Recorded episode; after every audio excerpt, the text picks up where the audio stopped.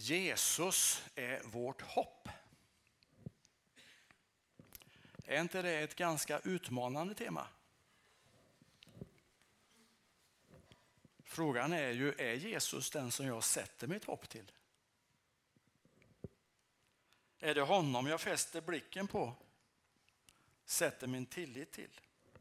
Det finns ju så mycket idag som pockar på min uppmärksamhet. Det är så mycket som får, vill få del av min tid, av mitt engagemang. Vi ska läsa en text från Matteus evangeliet, det fjortonde kapitlet. Och när vi kommer in i den här texten, då har Jesus gjort ett brödunder som vi säger. Han har med hjälp av lite bröd och sånt så har han mättat 5000 män förutom kvinnor och barn, står det. Och det står att alla blev mätta. Och sen så kommer den direkta fortsättningen då. Det står så här. Sedan befallde han sina lärjungar att stiga i båten och fara i förväg till andra sidan sjön medan han skickade hem folket. Så snart han hade gjort det gick han upp på berget för att vara för sig själv och be. Där var han ensam när det blev kväll. Båten var redan då långt från land och kämpade mot vågorna eftersom det var motvind. Strax före gryningen kom han till dem, gående på sjön. Och när lärjungarna fick se honom gå på sjön blev de förskräckta och trodde att det var en vålnad och de skrek av rädsla. Men genast talade Jesus till dem och sa Lugn, det är jag. Var inte rädda. Petrus svarade Herre, om det är du så säg åt mig att komma till dig på vattnet. Han sa kom. Och Petrus steg ur båten och gick på vattnet fram till Jesus. Men när han såg hur det blåste blev han rädd. Han började sjunka och ropade Herre hjälp mig! Jesus sträckte genast ut handen och grep tag i honom. Du trosvage, sa han. Varför tvivlade du? De steg i båten och vinden la sig. Och de som var i båten föll ner för honom och sa Du måste vara Guds son. Amen.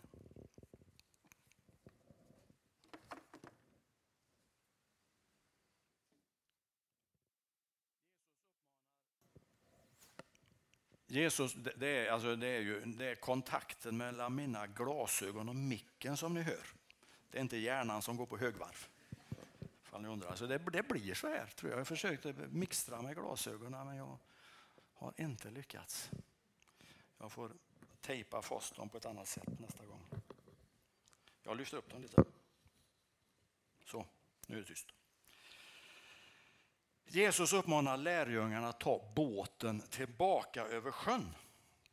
Läste vi. Han skickar hem folket och så går han upp på berget för att vara för sig själv och för att be. Och när jag läste den här texten så fick jag en sån här fundering. Hur lät det när Jesus bad? Och då tänkte jag inte, vad var det för språk? Hur lät det språket? Alltså jag tänkte inte heller, var han liksom eh, var det en högljudd bön eller var det liksom en stillsam? Det var inte de tankarna, utan det var vad bad han om? När Jesus bad, det berättas ju gång på gång på gång hur han går upp på berget och ber. Vad var det han bad om? Och man kan ju fundera, han var Guds son, behövde han ens be? Jag tänker kanske tackar han sin far för möjligheten han fick att göra skillnad för människor. Det var det som hade hänt precis. Han har fått hjälpa dem i deras nöd, deras trångmål. Kanske kände han glädje över att så många, att jag alla, ville ta emot det som han erbjöd dem. Men jag tror också att han bad för människor. Inte minst för sina lärjungar. Han bad för dem, tror jag, att de skulle bli generösa i sin hållning till människor. Att de skulle se sina liv som en möjlighet, liksom på samma sätt, till att hjälpa andra. Att inte vardagens utmaningar och bekymmer skulle göra att de tappade fokus på det som var viktigt. Han bad nog att de skulle fortsätta att se alla människor som fanns runt omkring dem. Människor som i många fall såg ut att ha det bra, men som saknade ändå någonting inom sig. Människor som kanske hade svårt att hitta sin plats. Ett riktigt sammanhang. Jesus han tog tid för bön och stillhet. Om jag skulle ta mer tid för bön och stillhet, stillhet, om jag skulle umgås med Jesus på det sättet, om jag skulle berätta för honom om min dag, om mina tankar och funderingar, om jag skulle leva närmare honom på det sättet, så tror jag på något sätt att han automatiskt skulle bli mitt hopp. Den jag hoppas på, den jag räknar med i alla situationer. Då skulle han finnas med i mina tankar, i de händelser som liksom oväntat dyker upp, för det händer ju hela tiden. Det oväntade, det är ju så livet är. Jag tror att han skulle bli en naturligare del av mitt vardagsliv. Och jag tänker att ge honom tid är ett viktigt sätt att ge honom ett större inflytande över mitt liv. För det är ju det som det kristna livet går ut på. Att ge Jesus inflytande. Att låta honom forma mig, min strävan och mina tankar. Och jag tänker att då kommer jag se på er andra med Jesu ögon. Och att Jesus älskar dig som sitter här eller där eller var ni nu sitter.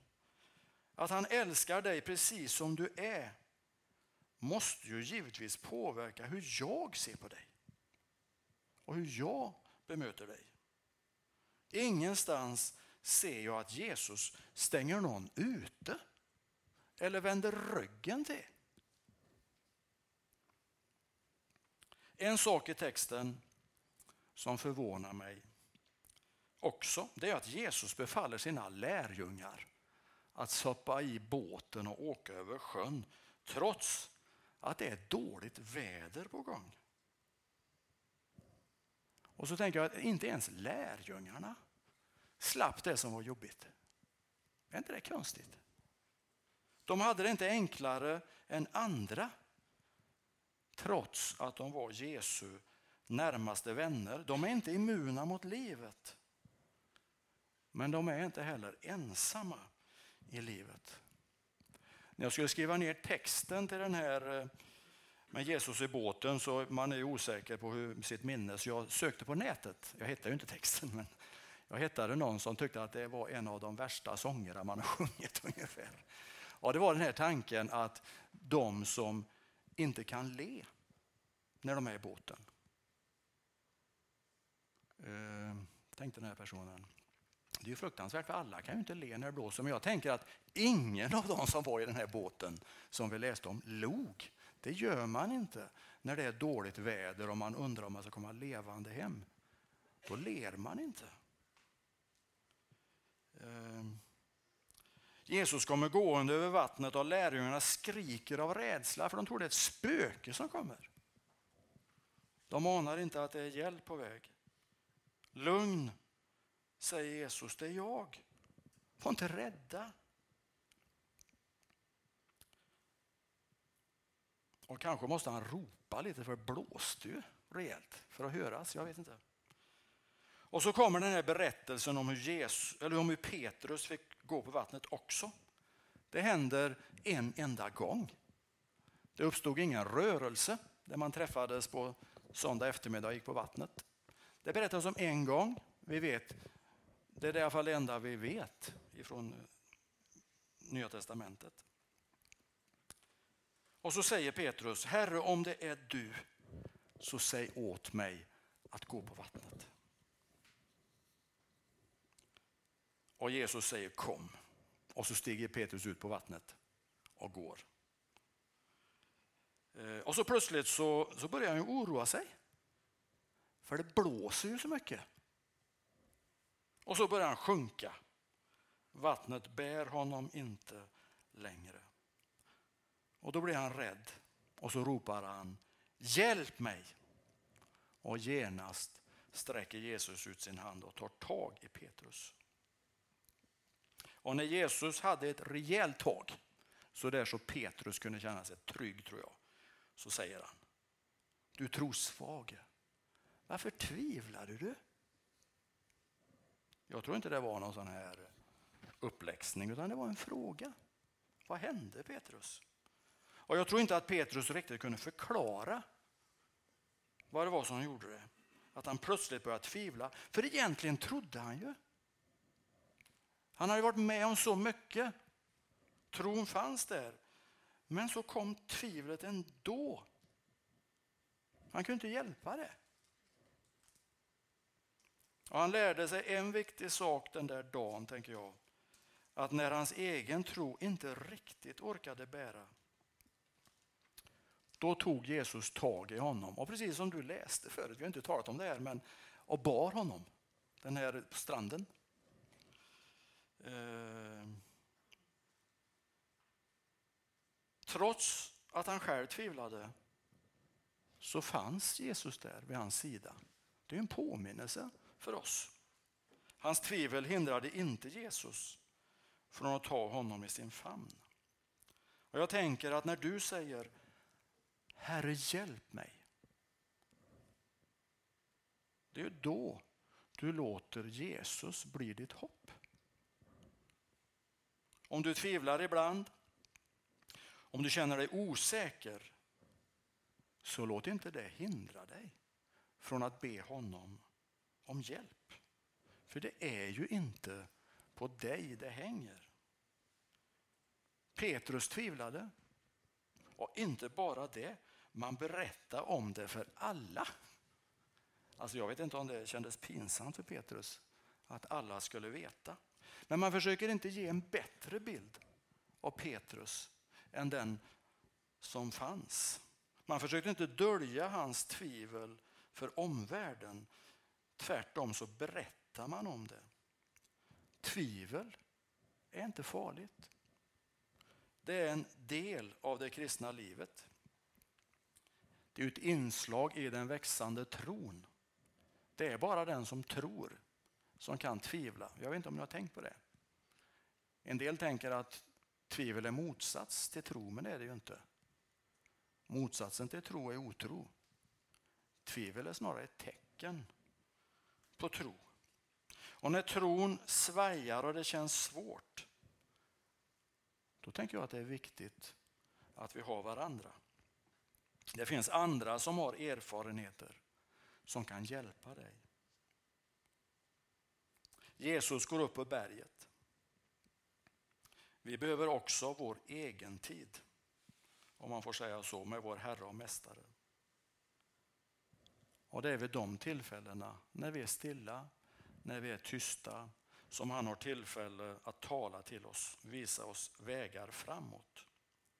Men vi behöver också varandra. Vi behöver stöd och uppmuntran från varandra.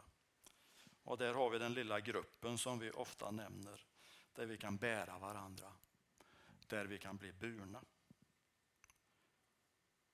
Det är efter stormen, det är efter tvivlet som insikten kommer till lärjungarna.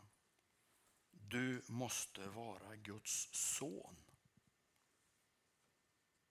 Han är Guds son. Han är vårt hopp. Han kallar på dig.